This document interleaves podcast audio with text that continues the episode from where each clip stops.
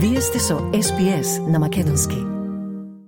Советот на Европската Унија ја одбил бугарската декларација во која се барало ефективно гонење и осуда за злосторството од омраза од страна на властите во Македонија. Софија барала изјавата да влезе во заклучоците на Советот за обшти работи, но министрите го одбиле тоа барање. Политикологот Ненад Марковиќ во изјава за Сител вели дека целта на овие друженија е токму провокација и нејасна е дипломатската политика на Софија со оглед на тоа што освен неколку инциденти врз објектите, засега нема никаков физички или вербален напад кон припалници на бугарската заедница. Барем да сега промена на ставот на ЕУ не се очекува, освен доколку во специфична ситуација Унијата ќе сака да не испрати некаква порака во иднина не очекувам искрено промена промена на позицијата затоа што во Европската унија и земјите на Европската унија да имаат и амбасади, имаат и фондации, имаат и невладени организации кои функционираат и тие многу јасно можат од терен да јават дали ова е вистина или не е вистина. Мислам дека нив им е перфектно јасно дека физичко насилство врз никого немало, па ниту на ниту врз. Советот го поздравува тоа што е постигнат одреден напредок во областа на фундаменталните права, особено во областа на владењето на правото, клучително вклучително и борбата против корупцијата и организираниот криминал, но наведува дека се потребни повеќе напори се поздравува посветеноста на владата да се забрза спроведувањето на реформите поврзани со Европската Унија. Светиот синод на Бугарската православна црква на својата редовна седница под председателство на бугарскиот патриарх Неофит донел одлука за признавање на томосот со кој српската црква и дава автокефалност на Македонската православна црква. Како што јави Мија од Софија, поред овие написи, синодот на БПЦ смета дека МПЦОА треба да се нарекува Православна црква во Република Северна Македонија.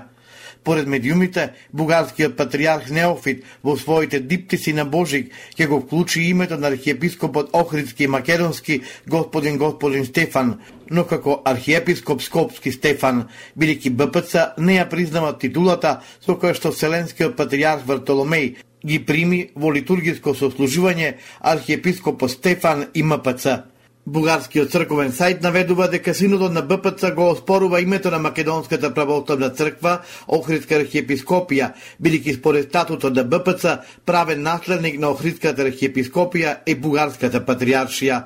Владата го назначи Зарко Милошевски за нов директор на Агенцијата за национална безбедност. Милошевски на позицијата директор доаѓа од позиција на помошник директор на одделот за безбедносни проверки и НАТО регистар во Агенцијата за национална безбедност, каде има претходно повеќегодишно искуство во раководење, организирање и координирање на одделот, но и во организирање и раководење со ресурсите на организационата единица за заштита на уставното уредување и спротивставување на тероризмот. Милошовски во својата кариера, според владата се доусовршувал на повеќе домашни и странски обуки, финансирани од македонските институции, но и САД и Канада.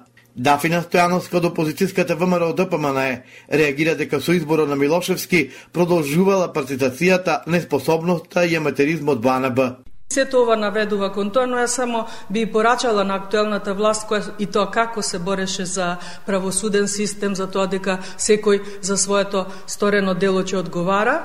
Гледаме дека тие не се способни, дека експерти од други држави им доаѓаат на помош за справување со корупцијата, дека амнестија на ваков случај, на ваква личност не може да постои, освен еве да купат време додека се тие на власт. Пратеникот и член на извршниот комитет на ВМРО ДПМН е Драган Ковачки, вели дека Милошевски не е нов човек и со тоа ништо нема да се промени во агенцијата. Цитирам, тој му бил помошник и е кадар на Виктор Димовски и Миле Зечевич, а со тој на српската врска. Зарко Милошевски, како помошник директор за безбедносни проверки, директно учествувал во случајот Онишченко. Тоа е една од причините поради која Онишченко добива македонско државјанство, но очигледно дека тоа не значи ништо за тие што го поставиле.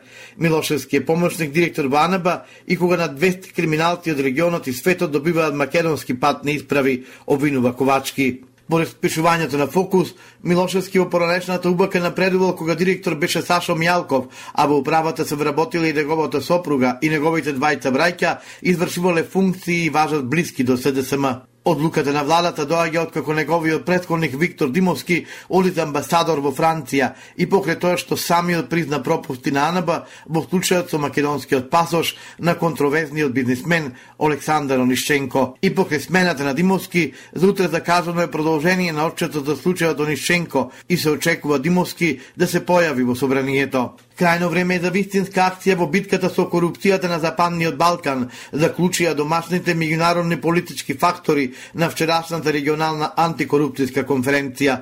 Амбасадорот Девид Гир посети дека ниту Европската Унија не е имуна на корупција, посочувајќи го последниот коруптивен скандал во Брисел. Заменикот амбасадор на САД во Македонија, Ерик Мейер, вели дека САД ќе продолжи да ги поддржува мерките на владата во борбата со корупцијата. САД слуша и очекува, рече тој. И во владата по кој знае кој пат последниве години повторува дека се одлучни во борбата против корупцијата. Мултилатералниот договор меѓу земите во регионот е подпишан, како сите земји заеднички се вклучат во битката. Председателката на Transparency International, Сладјана Тасева, вели. Се заклучува дека криминалот и корупцијата станува транснационален. Вице-премиерката за добро владење Славица Грковска за ТВ24 рече дека доколку имало добри резултати, немало да се оформи СЈО, кој потоа пропадна на разочарување на народот, кој сметаше дека ќе донесе правда. Откако министерот за надворешни работи Буер Османи изјави дека македонските власти самите ги повикале експертите од американскиот тим за санкции, кои до неодамна беа во земјава за да истражуваат наводи за корупција кај поранешни и сегашни државни функционери, Грковска вели дека владата таква одлука не донела. Цитирам, очекувавме дека ќе има поенергична иницијатива, како поука на се што се случувало до тогаш. Јас не работев со американскиот тим. Одлука за повикување на тимот немало во владата. Османи веројатно зборува за активности во доменот на надворешната политика и е најповикан за тоа. Ние во кабинетот постојано имаме активности кои се врзани во дело на детектирање на системските слабости и како да се надминат, вели Грковска. Председател на владата Димитар Ковачевски разговараше телефонски со Дерек Шоле, советник на државниот секретар на САД Ентони Блинкен, тој во владиното сообщение и се додава. Во телефонскиот разговор учествува и заменик председателот на владата задолжен за европски прашања Бојан Маричич, министерката за одбрана Славјанка Петровски и амбасадорката на САД Ангела Агелер. Разговорот беше со фокус на стратешкото партнерство на Македонија и САД и ината соработка и поддршка која имаме во насока на оспорување на нашите стратешки цели. Се разговараше на повеќе теми, како што е справувањето на владата со енергетската криза, но и за инфраструктурните и енергетските проекти за кои Македонија ќе има силна поддршка од САД. Меѓу останатото, Тема на разговорот беше и разбор на Македонија во делот на борбата против корупцијата и унапредувањето на владењето на правото стои во сообщението.